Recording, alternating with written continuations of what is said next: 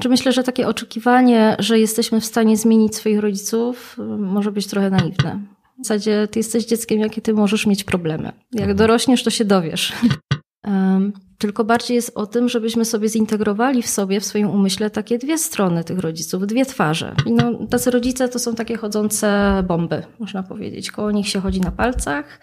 E, cały system rodzinny, nie tylko dzieci, traktują e, tych rodziców jako, wiesz, takie, obchodzą się jak z jajkiem. Podcast charyzmatyczny. Psychologia w codziennym życiu. Prowadzi psycholog Dawid Straszak.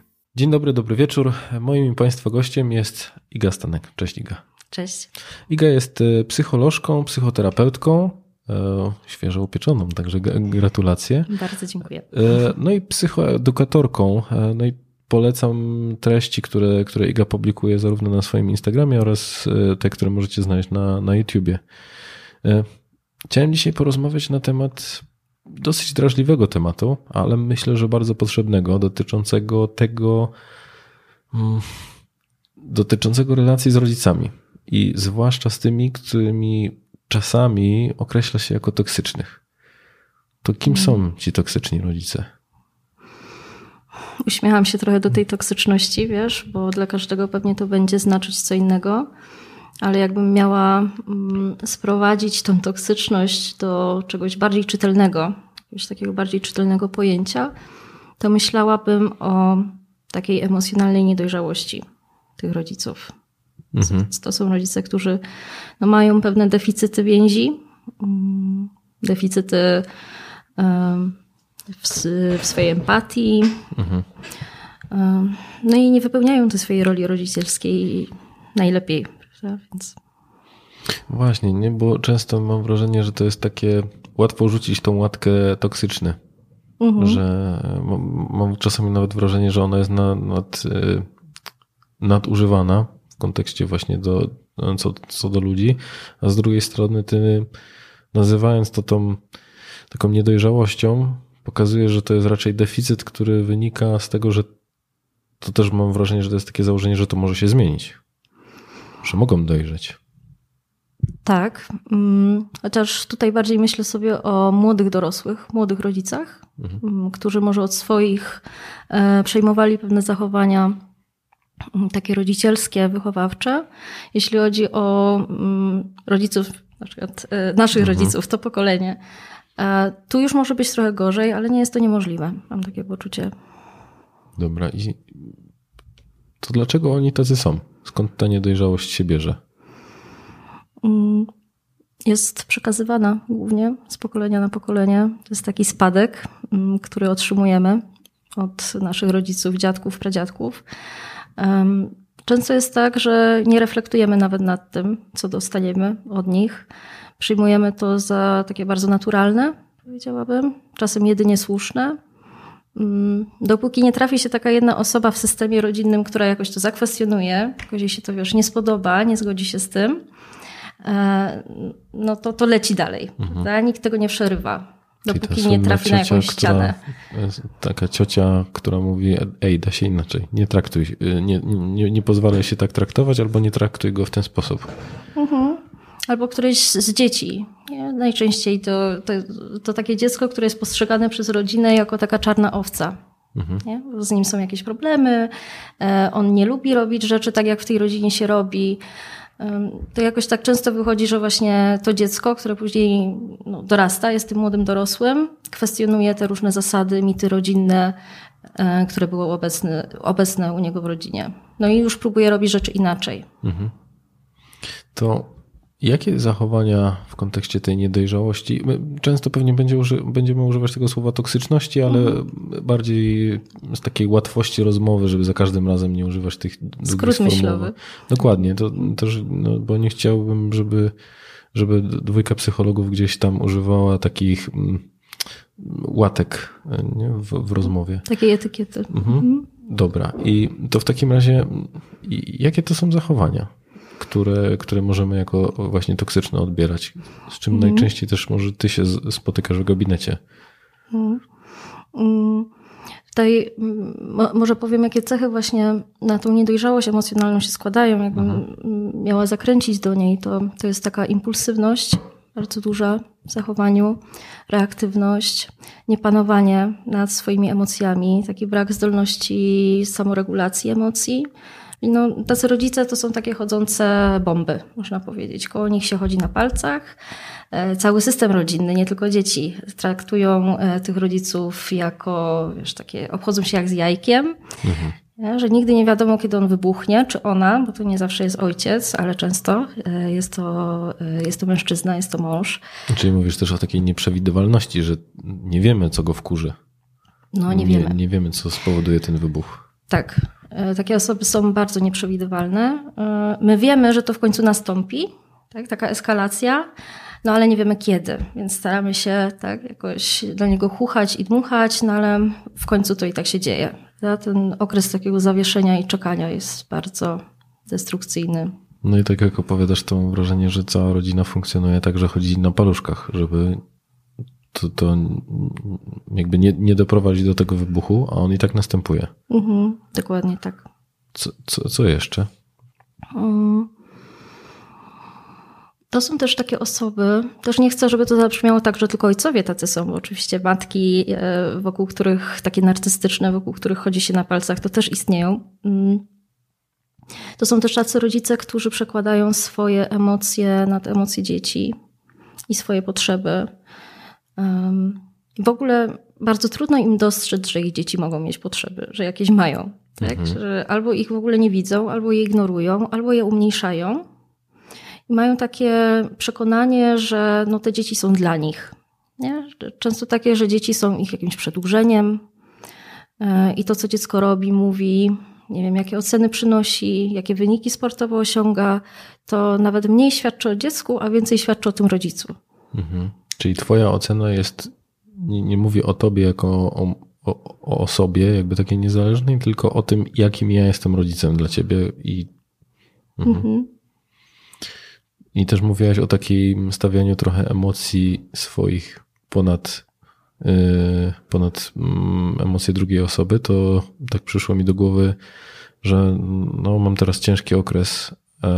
Ty masz ciężki, a wiesz, jaki ja mam ciężki okres? To, to, to jest ten rodzaj zachowania? Mhm, dokładnie tak. Czyli na zasadzie ty jesteś dzieckiem, jakie ty możesz mieć problemy. Jak mhm. dorośniesz, to się dowiesz. tak. Ale to jest bardzo takie popularne. Wiesz, jak ja sobie przypominam ten swój nastoletni okres, kiedy wiesz, e, są jakieś pierwsze złamane serca, pierwsze takie porażki, które ma się wrażenie, że są takie to, totalne i już jakby to, to moje, zmarnowałem życie, już nic mi nie wyjdzie że to jest często takie unieważniane, że to, to nie mówi się, kurczę, rozumiem, że jest ci ciężko, tylko raczej przyjmuje się to takie podejście ze strony dorosłych, że ty to jeszcze zobaczysz. Zobaczysz, jak cię tam życie potraktuje. Dopiero to, teraz to jeszcze jest, teraz ty się ciesz tym, co jest. Dokładnie tak. Te emocje są umniejszane, jest takie straszenie, tak, właśnie tak jak mówisz, dopiero zobaczysz, a teraz to w ogóle co ty możesz wiedzieć o świecie gówniarzu, tak? Mhm. No znowu te emocje rodzica są tutaj na pierwszym miejscu i, i taki widać e, zupełny brak empatii i wrażliwości. I oczywiście ten poziom tej empatii i wrażliwości się różni u tych rodziców czy u tych osób e, emocjonalnie niedojrzałych. I to nie jest tak, że wszyscy mają je na poziomie zerowym, mhm. no ale niestety mm, te umiejętności są upośledzone nie są mhm. w stanie się wczuć w to, co dziecko może przeżywać w danym momencie. No i też często te role są odwracane. Jak już mówisz o tym, że, um, że rodzice bardziej się skupiają na sobie, a te dzieci tak, prawda? E, co ty tam możesz wiedzieć? To często przechodzą do takiej um, kontry jeszcze rodzice, że nie tylko umniejszają, ale też odwracają. I na zasadzie widzisz, ja mam gorzej, Widzisz, jak się mama musi napracować, żebyś ty miał, nie wiem, buty nowe albo zeszyt do szkoły, widzisz? Jest takie oczekiwanie, że to dziecko teraz się tą matką zaopiekuje. Mhm. To jest y, rodzaj parentyfikacji, czyli odwrócenia ról, y, ról dziecko-rodzic. Mhm. Czyli takie, no, właśnie, nie, zaopiekuj się mną no, trochę w tym wszystkim i, y, że, i dlaczego oni tak robią? To też jest jeden z, z, takich, jedno z takich zjawisk, które gdzieś w generacyjnym spadku dostajemy. Nierozpoznane po prostu przychodzi. Mhm. Czy coś jeszcze bym tutaj dodał? Mm, e, uosabiają w, w dziecku partnera. To znaczy, że, mhm. Że dziecko przestaje, przestaje być dzieckiem, tylko staje się jakąś taką protezą związku. To chyba tak szczególnie widać w momencie, kiedy, e, kiedy brakuje tego drugiego rodzica, albo on jest taki nieobecny, bo nie wiem, na przykład mhm. pracuje gdzieś. Mhm. I z drugiej strony myślę, że tak jakby nieadekwatnie szybko mm, wymagają tacy rodzice też e, wchodzenia w jakieś role już takiej głowy rodziny, czyli e, niedostosowo wymagają, żeby dziecko wchodziło w pewien rodzaj roli, kiedy to jeszcze jest niedostosowane do jakby takiego etapu rozwojowego. Mhm. Czyli tą parentyfikację możemy sobie rozwinąć też mhm. w sumie, bo mhm. mówisz o takich dwóch rodzajach parentyfikacji. Dobra, to jakbyś to zdefiniowała dla ludzi, którzy, którzy tego słuchają? Czym, czym w ogóle jest parentyfikacja? Mm, możemy pomyśleć o dwóch takich rodzajach parentyfikacji: o behawioralnej parentyfikacji i emocjonalnej. Mm, I z dwojga złego ta emocjonalna jest gorsza. Mhm. E, emocjonalna parentyfikacja polega na tym, że rodzic oczekuje od dziecka, że to dziecko będzie jego rodzicem. Będzie się opiekowało jego potrzebami emocjonalnymi, mm, będzie wchodzić w takie role e, powiernika, jakichś mhm. sekretów często, albo e, spowiednika, albo terapeuty. To jest bardzo częste, jeśli w diadzie małżeńskiej e, czy tam partnerskiej są jakieś problemy, to jedno z rodziców bardzo lubi dziecko wciągać, robić taki trójkąt nie? i mhm. szukać Czyli takiego sojusznika. Przeciw drugiej osobie. Mhm. Tak. Um, wymaga takiego opowiedzenia się po czyjejś stronie od dziecka, ale też często zarzuca je swoimi emocjami i, ty, i takimi szczegółami z życia mm, tej pary, mm, które są też dość intymne często. Tacy rodzice nie mają granic w tym, co mówią do dzieci i, i potrafią dzielić się no, bardzo takimi intymnymi, intymnymi. szczegółami. Mhm. Pomyślałem też o tym, że często spotykam się z takim określeniem, że ja to się przyjaźnię z moim dzieckiem. E, I że poniekąd mam wrażenie, że to jest e, takie trochę usprawiedliwienie tych zachowań parentyfikacyjnych. To znaczy, że no, możemy rozmawiać o wszystkim ze sobą. To znaczy, zależałoby mi na tym, żebyśmy, żebym wiedziała, co u mojego dziecka i żeby też ono wiedziało, co u mnie. E, czyli nie powinno się tak robić. No nie powinno. To znaczy to powinno, to powinno mieć jakieś granice, prawda? Mhm. Znaczy fajnie jak dziecko ma poczucie, że może z wieloma rzeczami przyjść do rodzica. Oczywiście to też zależy od wieku. Im młodsze, tym, e, tym więcej podejrzewam, że może powiedzieć. No też jest problem, jak jestem młodym rodzicem i na przykład e, nie młodym rodzicem, tylko młodym dorosłym mhm. i zwierzam się swoim rodzicom z problemów małżeńskich, też z jakimiś tam swo swoich, nie? Też z jakimiś tam szczegółami można pomyśleć o tym jako o zatarciu granic znowu. Mhm. Nie? Że to jest trochę nieadekwatne. E, no ale to Bo... jeszcze ujdzie, można powiedzieć. W drugą stronę jest gorzej. Mhm. Jak to rodzic zarzuca takimi szczegółami e, dziecko, czy takimi informacjami, które to dziecko po prostu nie potrafi unieść, no bo co ono może? Nie naprawi tego małżeństwa, prawda? A zwłaszcza, że dzieci mają taką magiczną zdolność odczytywania tego, co jest od nich oczekiwane ze strony rodziców. Czyli one jakby, nie chcę nazywać tego chętnie, ale w jakiś specyficzny sposób biorą na siebie ten ciężar właśnie wchodzenia w taką rolę, do której nie są dostosowane. Mhm. A drugi rodzaj parentyfikacji? To jest e, parentyfikacja behawioralna, czyli taka związana z zachowaniem, mm, takim codziennym życiem. Na przykład obarczamy dziecko obowiązkami, które nie są dostosowane do jego mm, mhm. etapu rozwojowego, do jego wieku. Tutaj może powiem jakieś kontrowersyjne trochę rzeczy, ale bo, bo często rodzice myślą, ok, gdzie się kończy uczenie dzieci jakichś takich, wiesz, przydatnych skillów życiowych, jak ugotowanie zupy, a gdzie się zaczyna parentyfikacja, nie? Ale myślę, że jednak można wyczuć tą różnicę i rodzice często y, jednak są świadomi tego, kiedy przeginają, że nie wiem, jak biorę na przykład moją trzyletnią córkę do gotowania i ona mi tam pomaga przy czymś, prawda? E, I się świetnie bawi, albo nawet jakiś sześciolatek potrafi nieraz już tą zupę ugotować. Nie? I fajnie może być z tego dumny, i to jest jakaś jego nowa umiejętność, świetnie. Ale to też nie jest tak, że ten sześciolatek ma pójść do sklepu, sam zrobić zakupy, zaplanować tą listę zakupów, przyjść do domu, obrać ziemniaki, wiesz, wszystkie warzywa no, i, i nastawić teraz, tą zupę dla wszystkich. Teraz co dwa dni będziesz robił zupę. No. Tak, że to nie jest w domyśle jego obowiązek, żeby się tym zajmować, prawda? Mhm. I też chyba najbardziej kontrowersyjna jest kwestia opieki nad młodszym rodzeństwem. Mm, I z takiego psychologicznego mm, punktu widzenia to też jest forma parentyfikacji. Gdy każemy dziecku najstarszemu, czy tam starszemu zajmować się swoim młodszym rodzeństwem i robimy z tego jakąś rutynę. Mhm.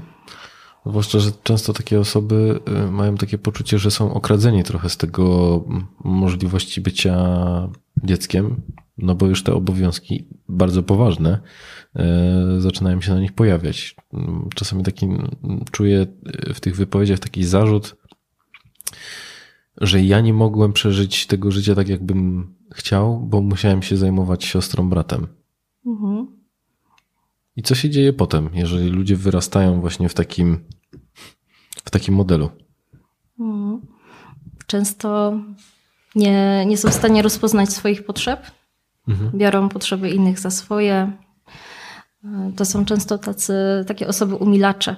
Tacy, wiesz, że e, dążą do tego, żeby wszystkim było dobrze, żeby wszystkim było miło, bardzo źle znoszą krytykę, czy w ogóle jakiś taki mm, Y, takie rzeczy, które można by było zinterpretować y, jako. Mm, albo inaczej, oni dużo rzeczy interpretują jako odrzucenie. Może mhm. tak, w ten sposób. Czyli są bardziej wyczuleni na to, y, czyli coś, co jest po prostu zwróceniem uwagi, oni już mogą odczytywać jako obawy przed odrzuceniem. Tak, bardzo biorą takie rzeczy do siebie. Też ze względu na mm, raczej niskie poczucie własnej wartości, niską pewność siebie, no tak, bo przy braku takich bezpiecznych więzi trudno jest to zbudować. Podejrzewam, że takie dzieci często ani razu w swoim życiu nie słyszały e, jakiegoś dobrego słowa pod swoim adresem. Mhm. Jakiejś pochwały, e, jakiegoś zdania, że ci rodzice są z nich dumni. Tak? I e,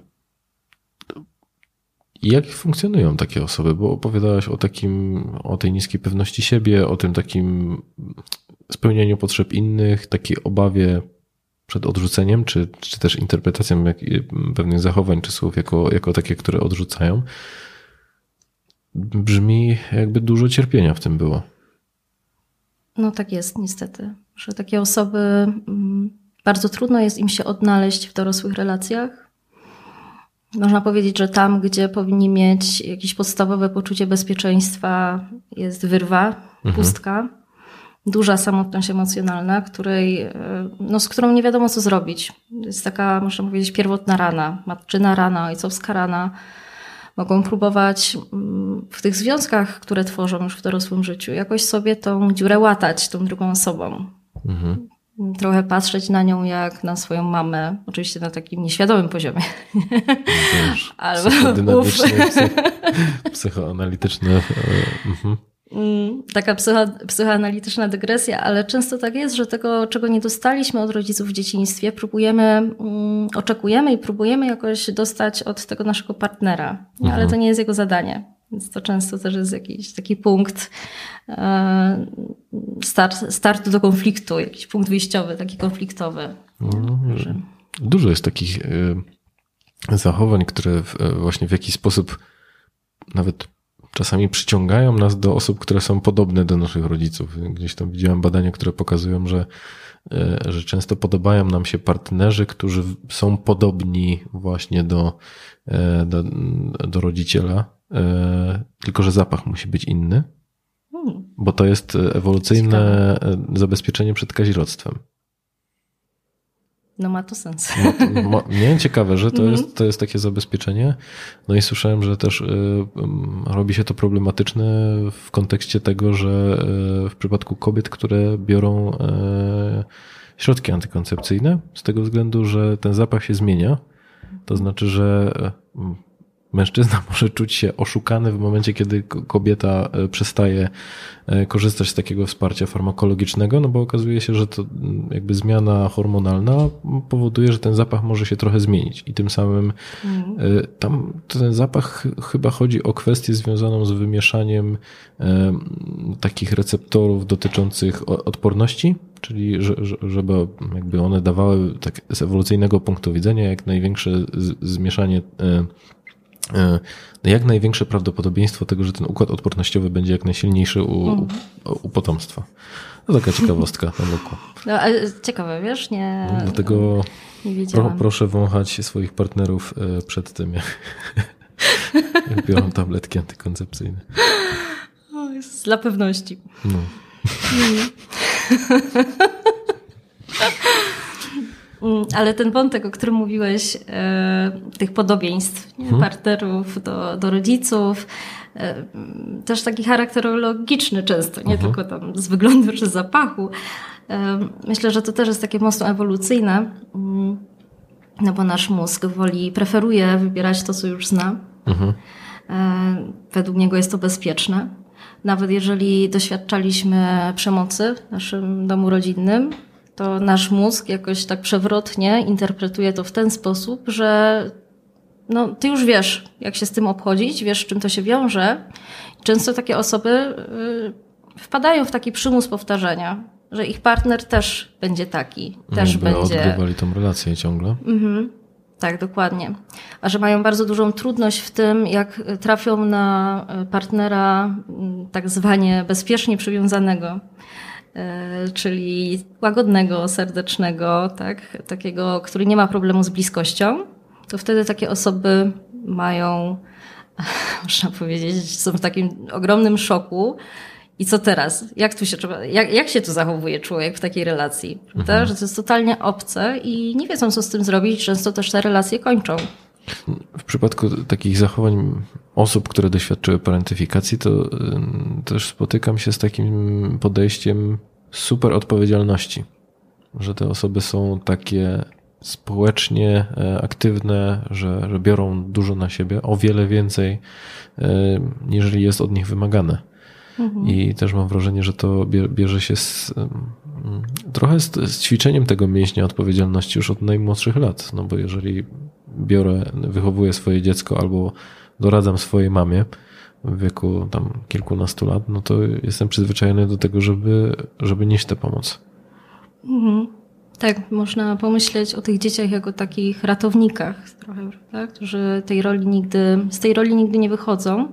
Myślę, że to też jest taka forma kompensacji, żeby mhm. czuć się mm, kimś wartościowym, ważnym.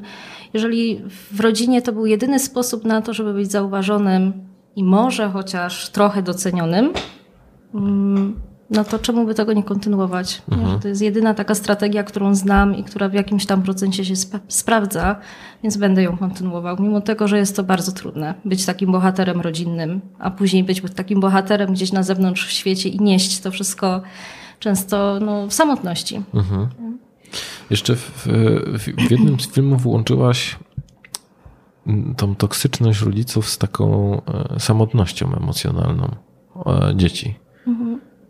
Jak, jak byś to zdefiniowała? Czy, czym ta samotność w ogóle jest?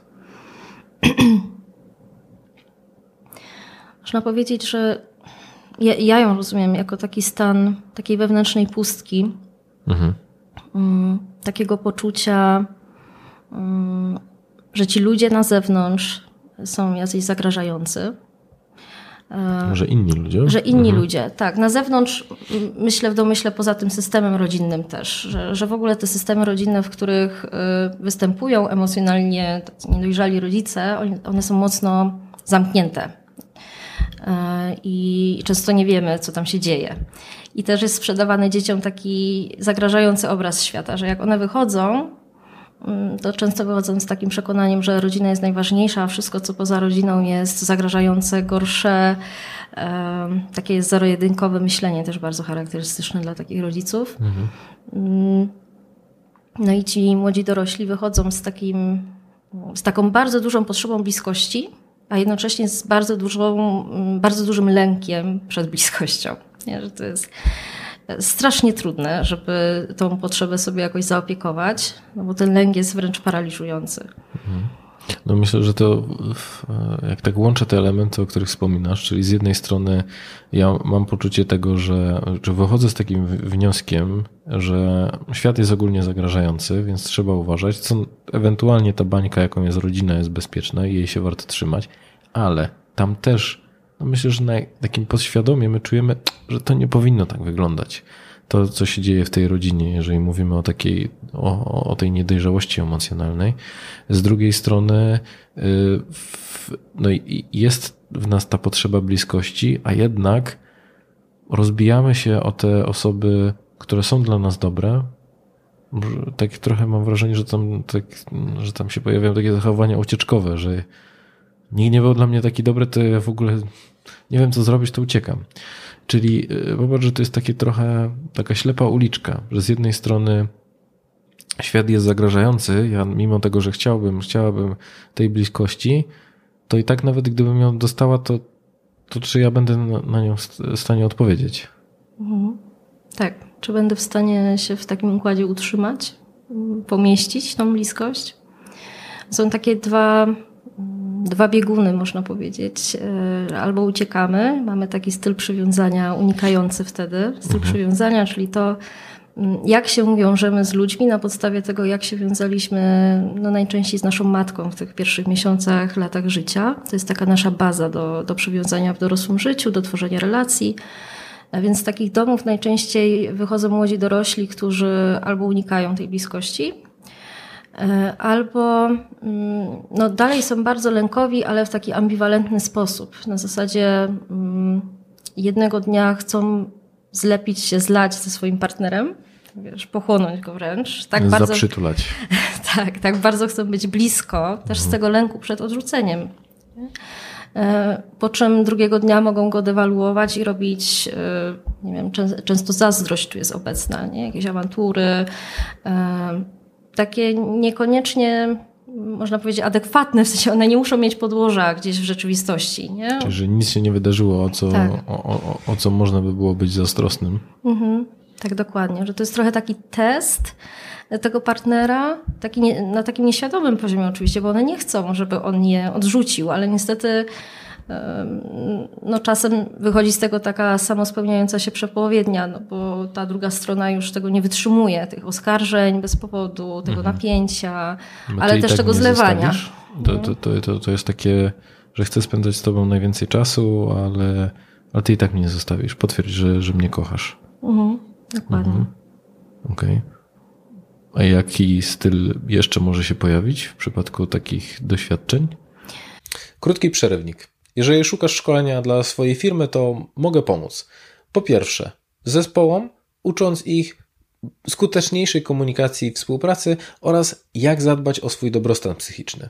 Po drugie, liderom, ucząc ich w jaki sposób współpracować z osobami, które doświadczają problemów natury psychicznej, które są w ich zespołach oraz jak prowadzić trudne rozmowy. Jeżeli to jest coś, co Cię interesuje, napisz do mnie na LinkedIn albo poprzez e-mail kontakt małpa dawidstraszak.pl. Dzięki i wracamy do podcastu. W przypadku takich trudnych doświadczeń mhm. jest jeszcze jeden i to jest styl zdezorganizowany mhm. i on cechuje osoby, które wzrastały w takich bardzo nieprzewidywalnych, często przemocowych domach.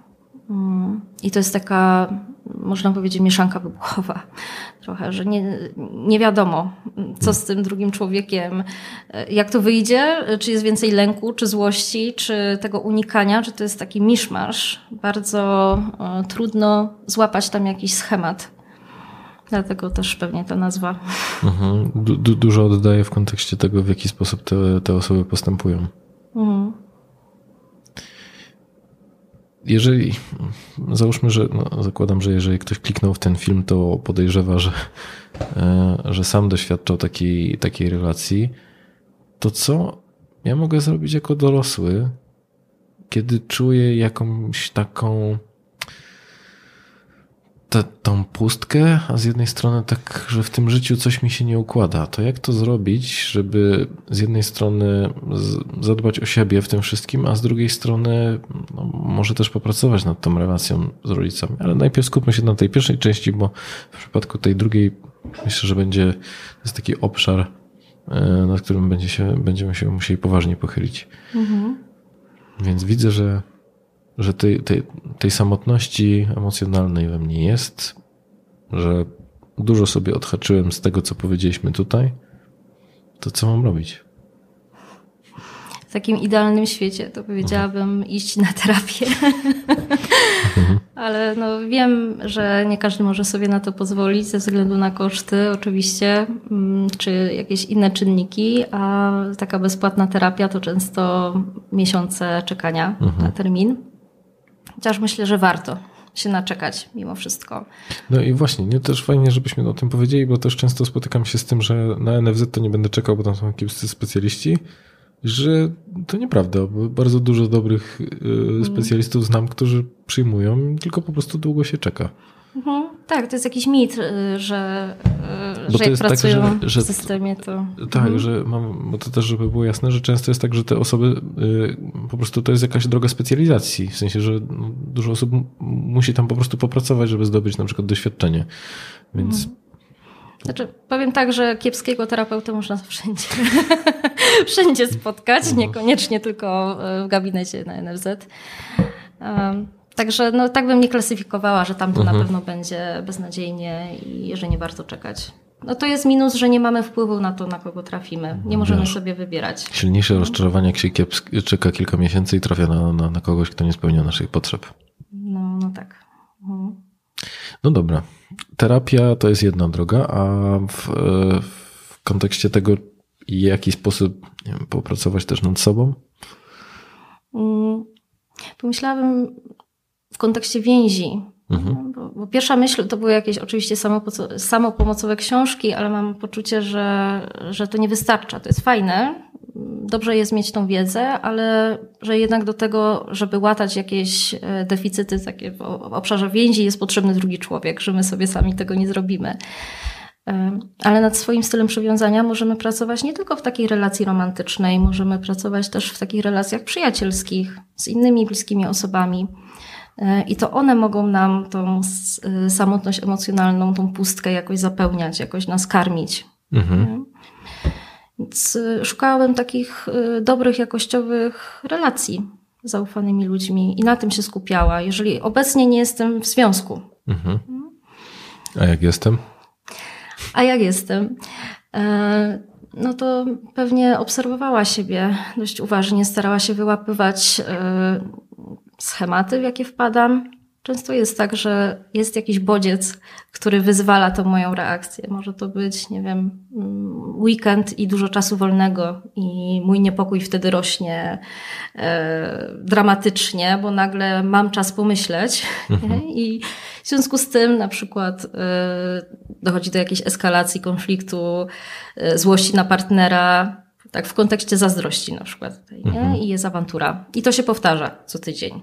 Więc mo można by to złapać e, i zastanowić się, jak można mm, jakoś ukoić się może trochę wcześniej, żeby dać sobie trochę przestrzeni pomiędzy tą myślą, tym bodźcem, a moją reakcją, żeby ten obszar pomiędzy jakoś sobie to miejsce tam robić, mhm. żeby to nie było takie impulsywne.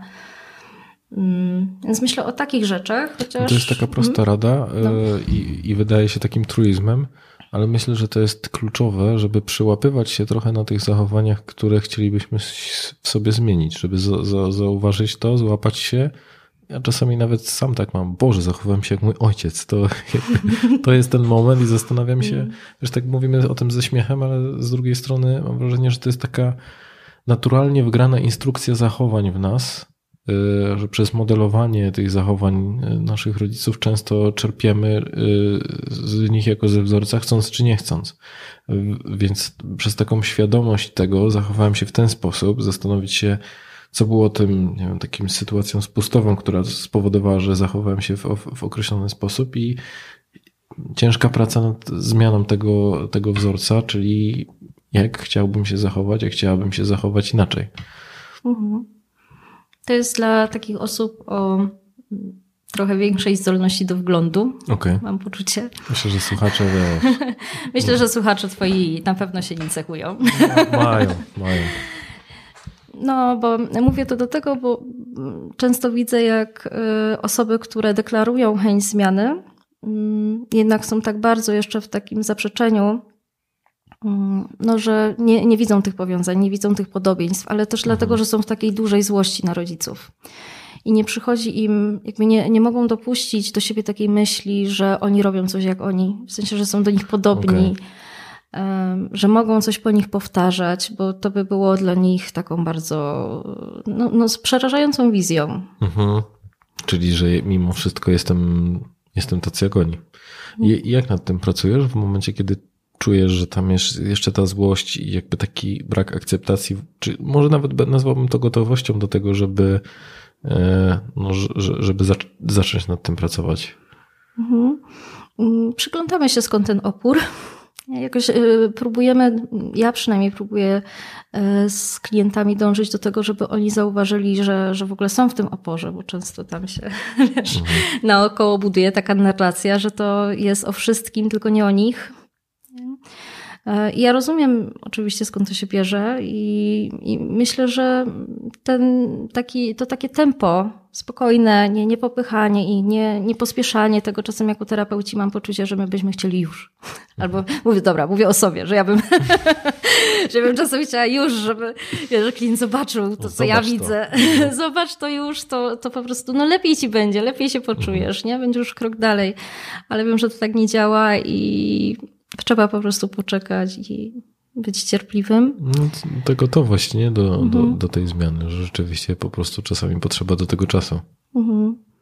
No to też jest bardzo trudne, gdzie złościmy się na rodziców tak strasznie, a z drugiej strony też ciężko ich zrzucić z tego piedestału, no bo to są nasi rodzice, tak? którzy powinni być nieomylni, e, powinni być dla nas e, takim bezwarunkowym wsparciem, bardzo ciężko sobie w ogóle dopuścić też do głowy taką myśl, że oni są nieidealni albo że nie są zdolni do kochania nas tak, jakbyśmy chcieli, albo dodania nam tego, czego byśmy potrzebowali. Że w ogóle konfrontacja z tym, że w naszym domu działo się źle, nie? to jest y, bardzo trudne do zaakceptowania. No bo przecież zawsze inni mają gorzej, nie?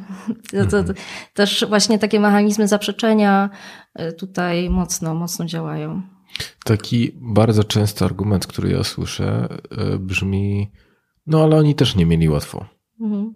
To znaczy, że wynik tych doświadczeń e, w, w, momencie, kiedy pojawia się właśnie takie zrozumienie, że no, te zachowania nie powinny tak wyglądać, to znaczy, że to, czego doświadczałem albo nadal doświadczam od rodziców, nie powinno w taki sposób funkcjonować, e, to następuje taka ochota, ucieczkę w to, w to że okej, okay, to no ale oni też nie mieli łatwo. Ich sytuacja, nie wiem jak, jak, jak ich traktowali rodzice. E, no i tu pojawia się ten dysonans, że z jednej strony czuję, że to jest jakiś rodzaj krzywdy, ale też chciałbym zrzucić tą odpowiedzialność z tego rodzica, że on to miał, mógłby robić intencjonalnie. Mhm. Tak, to często się pojawia y, na początku terapii, gdzie my już sobie pozwoliliśmy na to, żeby mm, powiedzieć trochę, jak to było, tak realnie. Mm, nie? Że jednak doznawaliśmy tych różnych krzywd ze strony rodziców i włącza nam się poczucie winy, że to powiedzieliśmy. I na następnej sesji przychodzimy i próbujemy ich tak trochę usprawiedliwić, mhm. wybielić, mhm. powiedzieć, że właśnie mi też Jednak są spoko. Tak, jednak nie było tak źle. jednak i mają gorzej. Mhm. Że to jest y, zupełnie naturalne. Mm, I my, myślę, że warto wtedy też pamiętać o tym, że terapia, czy, czy w ogóle bycie w takim procesie też separowania się od tych rodziców, że to nie jest o tym, żeby obciążać ich winą, żeby ich jakoś szkalować, wiesz, odwracać się od nich, zrywać kontakty, albo nie wiem, obowiązkowo się z nimi konfrontować, bo to niekoniecznie musi tak wyglądać. Tylko bardziej jest o tym, żebyśmy sobie zintegrowali w sobie, w swoim umyśle takie dwie strony tych rodziców, dwie twarze. Nie? Że oni, mm, okej, okay, krzywdzili nas, zaakceptujmy, to jest fakt. Nie? Ciężko z tym dyskutować, ale to nie jest tak, że oni są tacy czarno-biali, że są tylko źli. Prawda? Że oni mają też e, wiele innych cech, które być może były dla nas dobre, karmiące, były jakieś momenty bliskości I terapia jest bardziej o tym, żeby to integrować jedno z drugim. Żeby nie, nie, nie rzucać tylko oskarżeń i, i, i, i winą. Żeby, tak, bo, bo takie osoby mają często mm, no problem z tym, żeby w ogóle to tak nazywać, nie? że ja nie chcę obwiniać rodziców. Ja nie chcę e, tutaj robić im takiego rachunku sumienia. Ja myślę, że to nie jest o winie, tylko bardziej o odpowiedzialności i oddawaniu tej odpowiedzialności rodzicom. Że można tak na to popatrzeć. No właśnie, bo czasami mam wrażenie, że taki schemat, który się pojawia, jest związany z tym, że kiedy już e, dzieci toksycznych rodziców stają się mm, same osobami dorosłymi, to ta relacja się zmienia. To znaczy jest, ym, jest już bardziej taka dostosowana, że te dzieci najczęściej już mają swoje życie, e, to znaczy dostosowana do, do takiego normalniejszego funkcjonowania. No, użyję słowa normalniejszego, tego z braku innego. E, I że te relacje zaczynają być właśnie takie bardziej już pomagające, ale z drugiej strony gdzieś z tyłu głowy e, te osoby mają wizję tego, jak wyglądało to w przeszłości. I często mm, no zastanawiam się, jak sobie radzić właśnie z tym, że z jednej strony ktoś w ten sposób się względem nas zachowywał, kiedy byliśmy dziećmi, a teraz jest, jest w porządku. Jak, jak sobie z tym radzić? No może znowu powiem coś takiego kontrowersyjnego, bo wydaje mi się, że to nigdy nie jest takie przejście od zera do stu. Wiesz, że kiedyś było źle, a teraz ten rodzic jest już taki okej i w ogóle jest świetnie między nami. Mhm. I wydaje mi się też, że jeżeli jako dzieci nie odseparowaliśmy się na tym etapie tworzenia własnej rodziny, mm, od tej rodziny generacyjnej, od tych naszych toksycznych, powiedzmy, rodziców, to mm, ta sytuacja, o której mówisz, że już będzie lżej, już te granice będą, już będziemy bardziej na swoim, a oni będą bardziej pomocni, że to, nie, to się nie zadzieje. Jeżeli tutaj y, nie zadbamy sobie o to zadanie rozwojowe na tym etapie, jakim jest właśnie oddzielenie się od nich, też na zasadzie takiej, można powiedzieć, konfrontacji z ich przekonaniami, wartościami, zobaczenie, co jest moje, a co jest ich, z czym chcę iść dalej w świat i w rodzicielstwo na przykład, a z czym nie, żeby tak krytycznym okiem móc zobaczyć, e, z czym ja z tego domu wychodzę. Jeżeli to się nie zadzieje, to ci rodzice, generacyjni ci rodzice, mam na myśli, będą wciąż y, sprawowali dużą kontrolę i nad swoimi dorosłymi dziećmi, i nad ich dziećmi, nad swoimi wnukami.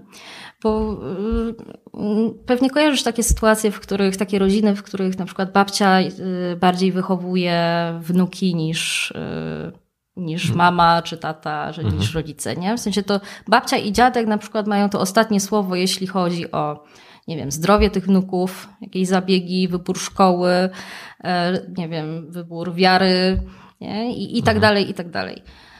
Mm, I to jest właśnie taki sygnał, że te granice, mm, no tam są bardzo zatarte. Czyli mimo, że mieszkamy w innym mieście, to nadal spełniamy, nawet nie widując się tak często z tymi rodzicami, y, spełniamy ich oczekiwania w jakiś sposób. Mhm, tak. Że ta, logi- ta logistyczna taka separacja no, bardzo pomaga, ale, ale nie wystarcza, że to powinno się zadzieć na emocjonalnym poziomie. Czyli tak, z taką umiejętnością postawienia tym rodzicom granic i powiedzenia: OK, tu wasza rola się kończy, e, to my decydujemy o tym, o tym i o tym. Wy jako dziadkowie możecie to, to i to. To jest wasza Mhm. rola. A dziadkowie lubią przekraczać granice, co? Oj, lubię. Wiesz, e, coś ci się przypomniało. Dobra, nie będziemy o tym gadać. E, Nie.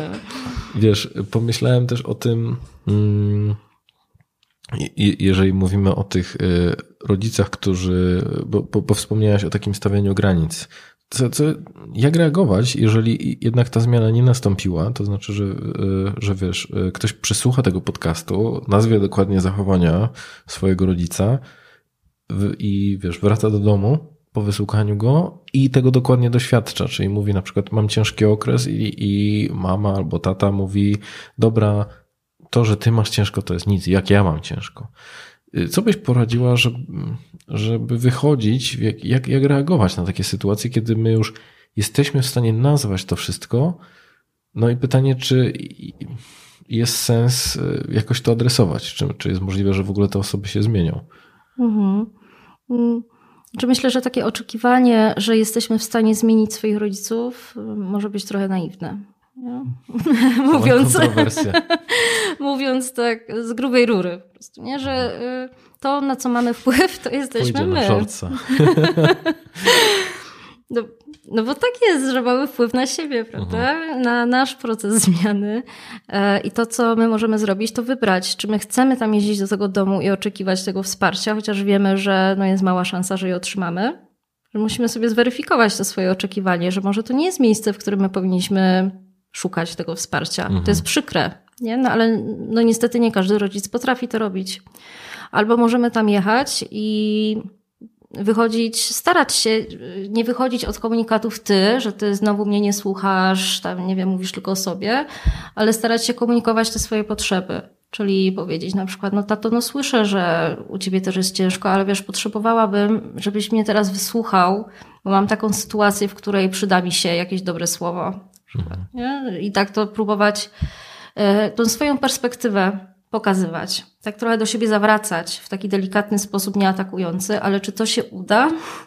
No to tu nie ma gwarancji, bo to zależy od tego właśnie, ile ten rodzic ma w sobie tej empatii i wrażliwości. Czyli spróbować, ale z też taką myślą, że jeżeli nie wyjdzie, że, że może nie wyjść. Mhm. że Tak. jest duże prawdopodobieństwo. Bo mm, czy te relacje da się w ogóle naprawić?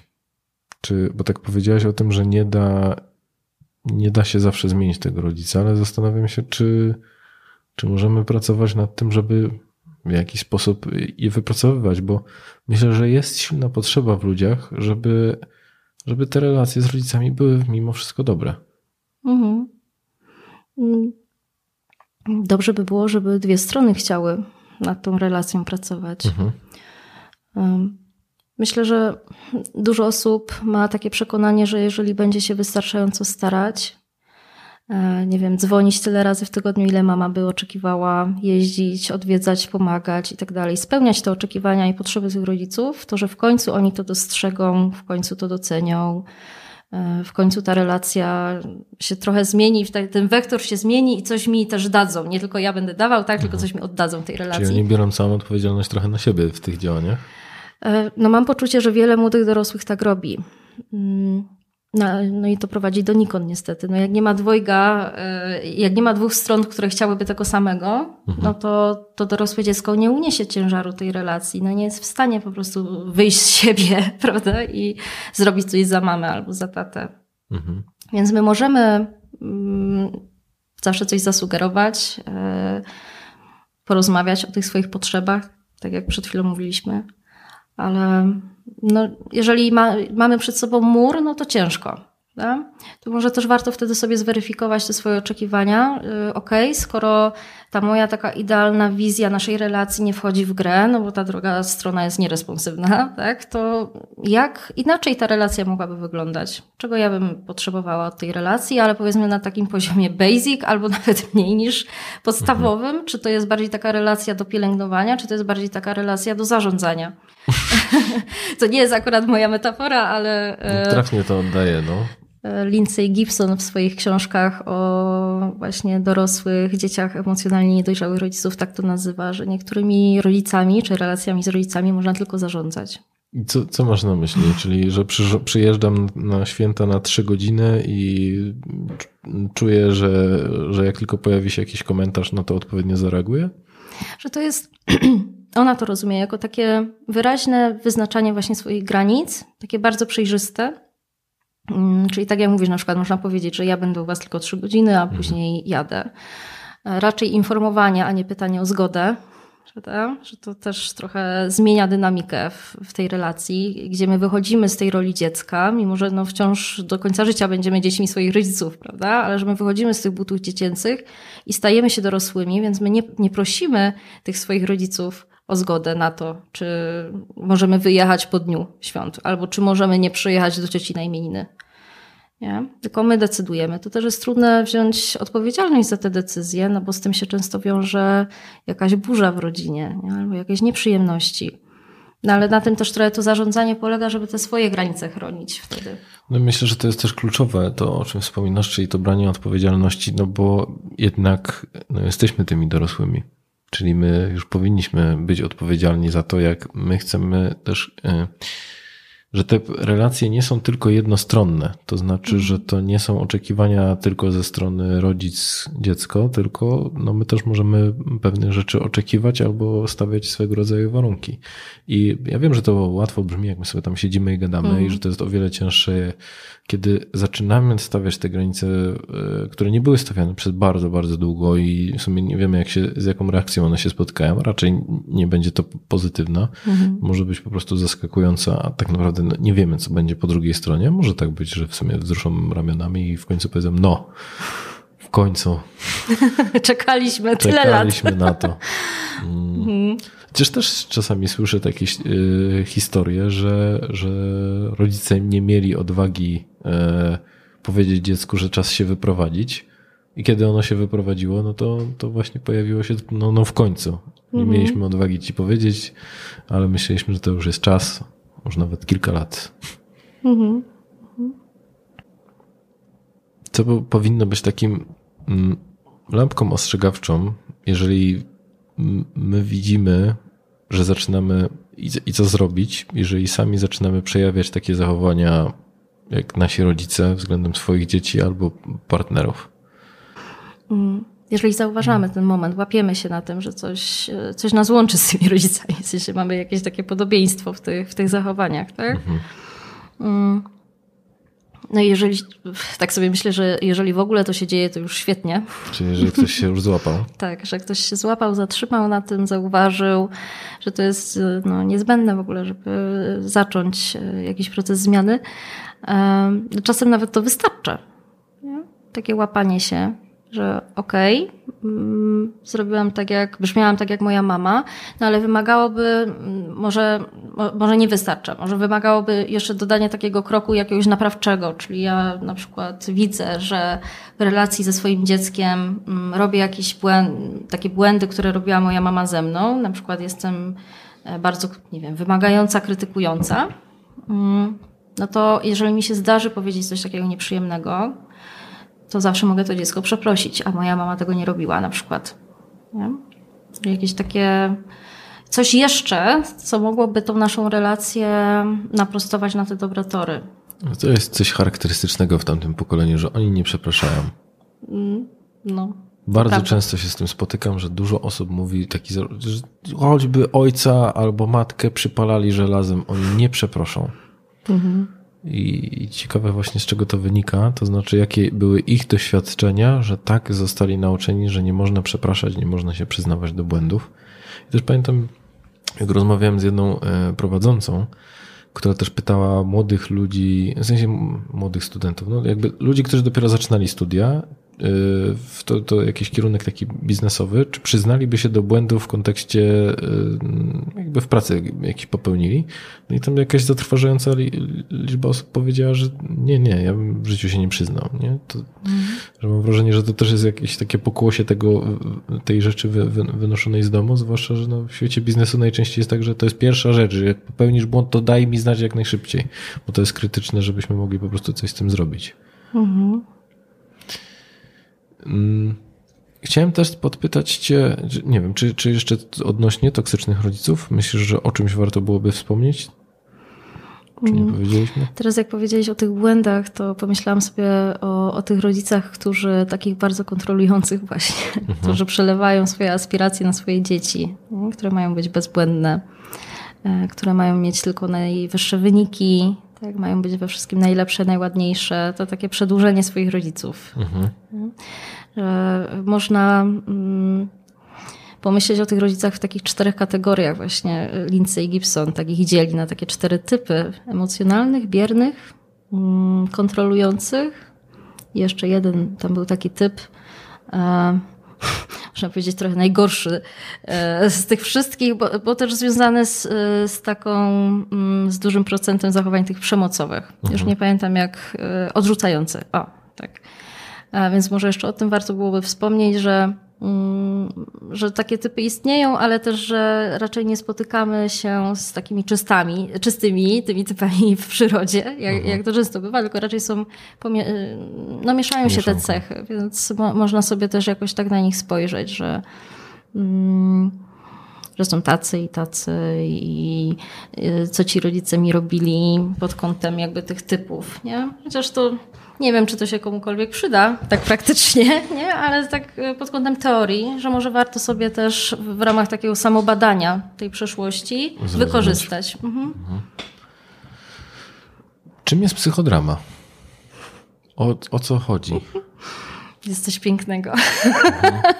Psychodrama to jest taki nurt terapeutyczny, który głównie bazuje na terapii grupowej, tak się rozwijał e, przez lata, wzrastał, chociaż indywidualnie też można tak pracować. Ja na przykład integruję takie psychodramatyczne kawałki. E, I polega ono, można powiedzieć, ona na tym, że bierzemy na scenę psychodramatyczną, taką symboliczną, wyobraźmy sobie taką salę, terapię grupowa, tak? Siedzimy sobie tam, nie wiem, 12 kółku. osób w, w kółku, że nagle bierzemy sobie te krzesła pod ścianę i tworzymy widownię i scenę. I na tej scenie, mhm. ta scena to jest w takiej symbolicznej nie? Mhm. sferze. Mamy tam różne rekwizyty, najczęściej są to chusty mm, kolorowe, taka, taki stos chust, takich dużych, które służą nam za taką fizykalizację różnych symboli, mm, ale także emocji, y, wszystkiego tego, co będziemy wnosić na scenę. E, a na scenę wnosimy nasz temat, z którym chcemy pracować. I ta osoba, która się na to decyduje, to jest tak zwany protagonista, jest prowadzony przez terapeutę na scenie. I w zależności od tego, e, jaką scenę chciałby przepracować, to są takie sceny z przeszłości, ale też takie problemy, które na przykład, na które osoby napotykają w pracy, tak tu i teraz jakby się dzieją, nie? Mhm. I chcieliby się temu przyglądnąć. E, czasem też przenosimy się do przyszłości, tu nie ma ram, ram czasowych. Moreno to dobrze, twórca pseudodramy, dobrze to myślił, że możemy być na tej scenie w każdym czasie i w każdej przestrzeni. Mhm. E, I możemy się tak przenosić dowolnie według, według naszych potrzeb. Zaprasza protagonista kogoś ze sceny. Jeżeli potrzebuje na przykład spotkać się ze swoją matką, to kogoś zaprasza do tej roli. I na zasadzie zamiany ról. To jest taka podstawowa technika psychodramatyczna, że zamieniamy się rolami z tą osobą, e, którą zaprosiliśmy, czyli na przykład z naszą mamą. Tak? Czyli jesteśmy naszą mamą? Czyli na chwilę jesteśmy naszą mamą mhm. i odbywamy ze sobą dialog. Mhm. I to jest, to ma taką moc, że no... Wiesz, y, no właśnie, nie? Bo to brzmi jak takie odgrywanie scenek. Ja kilka razy miałem okazję doświadczyć czegoś podobnego, bo myślę, że to nie było dokładnie to. Raz na treningu interpersonalnym, mhm. Kiedy właśnie odgrywałem, nie chcę podawać szczegółów, ale jakby były, byłem aktorem na tej scenie i pamiętam, jakie emocje wzbudziło to w drugiej e, osobie, że ona w ogóle miała pewne rzeczy zaadresować. E, I jakie to było silne doświadczenie dla niej. Z drugiej strony, e, w kontekście gdzieś biznesowym, że grałem w jakichś scenkach trudnego pracownika, gdzie właśnie był taki trener, który korzystał z tej psychodramy, tam podpowiadał jakieś rzeczy, mi mówił, czy mocniej, czy, czy słabiej, i jak w ogóle ciężko było tym menadżerom w ogóle się konfrontować z taką osobą i co, co oni prze, przeżywali tam. Mhm. E, więc wydaje się to takie pozorne, że tam jakieś scenki E, ale rzeczywiście to jest bardzo takie no, głębokie doświadczenie. Tak, bardzo. I mam takie poczucie, że jak ktoś tego nie doświadczy, nie zobaczy, to że w ogóle. Mm, ciężko wytłumaczyć. Ciężko wytłumaczyć, bo, bo to jest taka metoda pracy no, jednak przez doświadczenie, przez ruch, yy, przez obraz. Także to jednak trzeba widzieć. Można sobie na YouTubie na szczęście zobaczyć okay. takie, takie materiały pomocne. Mm, jaką siłę oddziaływania ma psychodrama? Na przykład mam, mam w głowie takiego mężczyznę, nie wiem czy ten film jest jeszcze dostępny, ale który mm, to chyba był jakiś materiał szkoleniowy, to może nie być. Ale e, był taki film, pamiętam taką scenę, gdzie mężczyzna odgrywał siebie, ale w wieku tam chyba trzech lat nie? I do, doświadczył takiej regresji na scenie, mhm. łącznie z tym, że głos mu się zmienił, i zaczął mówić po prostu, wiesz, w, wyso w wysokich tonach, nie? To jak jego ciało zaczęło się kulić, to też była taka bardzo, bardzo trudna scena. Mm. Nie, nie chcę też jakichś szczegółów tutaj mhm. takich e, mniej przyjemnych przytaczać, ale samo to, jak jego ciało, mimika, głos się zmieniły w tym momencie, to było niesamowite. Że e, trudno w ogóle uwierzyć, że to można działać na takim poziomie. Mhm. A po co są chusty? Mm, chustami mm, można y, wiele rzeczy, które, którym chcemy nadać jakąś fizyczną formę, a które jej nie mają, na przykład emocjom. Nie? Możemy nadać dzięki chustom e, taką formę. W ogóle one służą do fizykalizacji różnych rzeczy, e, naszych stanów wewnętrznych, nie tylko emocji, ale też jakichś innych rzeczy, e, do budowania sceny, no bo się przenosimy, więc one mogą być, nie wiem, stawem, tak? Jedna mhm. może być, a inna może być, nie wiem, czym tam sypialnią naszych rodziców. Nie?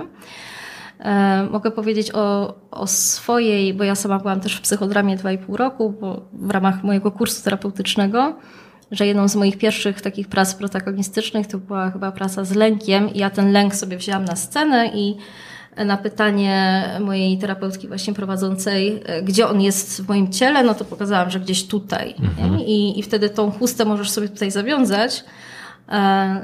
A w toku sceny jakoś to rozwijać, że na przykład co, co, co ten lęk ci robi nie? i poczuć, jak on ci na przykład dusi. Mhm. Nie? Oczywiście w takich bezpiecznych warunkach, tam, że krzywdy sobie nie robimy na tej scenie, ale jest to bardzo e, pomocne no, w pracy z ciałem, tak? żeby jednak e, przeżyć coś, to, to, co my czujemy wewnątrz, żeby to zobaczyć i przeżyć ponownie na scenie.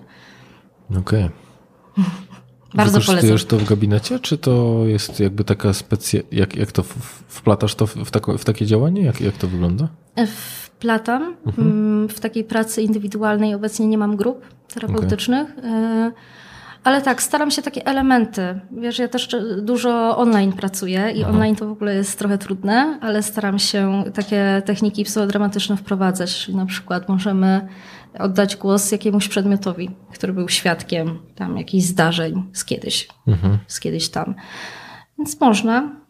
I, I też y, zachęcam do tego, żeby sobie, tu bardziej słowo do terapeutów może, którzy to słuchają, żeby sobie eksplorować ten rejon, bo y, jednak ona jest jeszcze dość niszową techniką. Mhm. No też myślę, że rzadko o nich gdzieś można usłyszeć, ale, ale nie, nie, nie w wielu miejscach.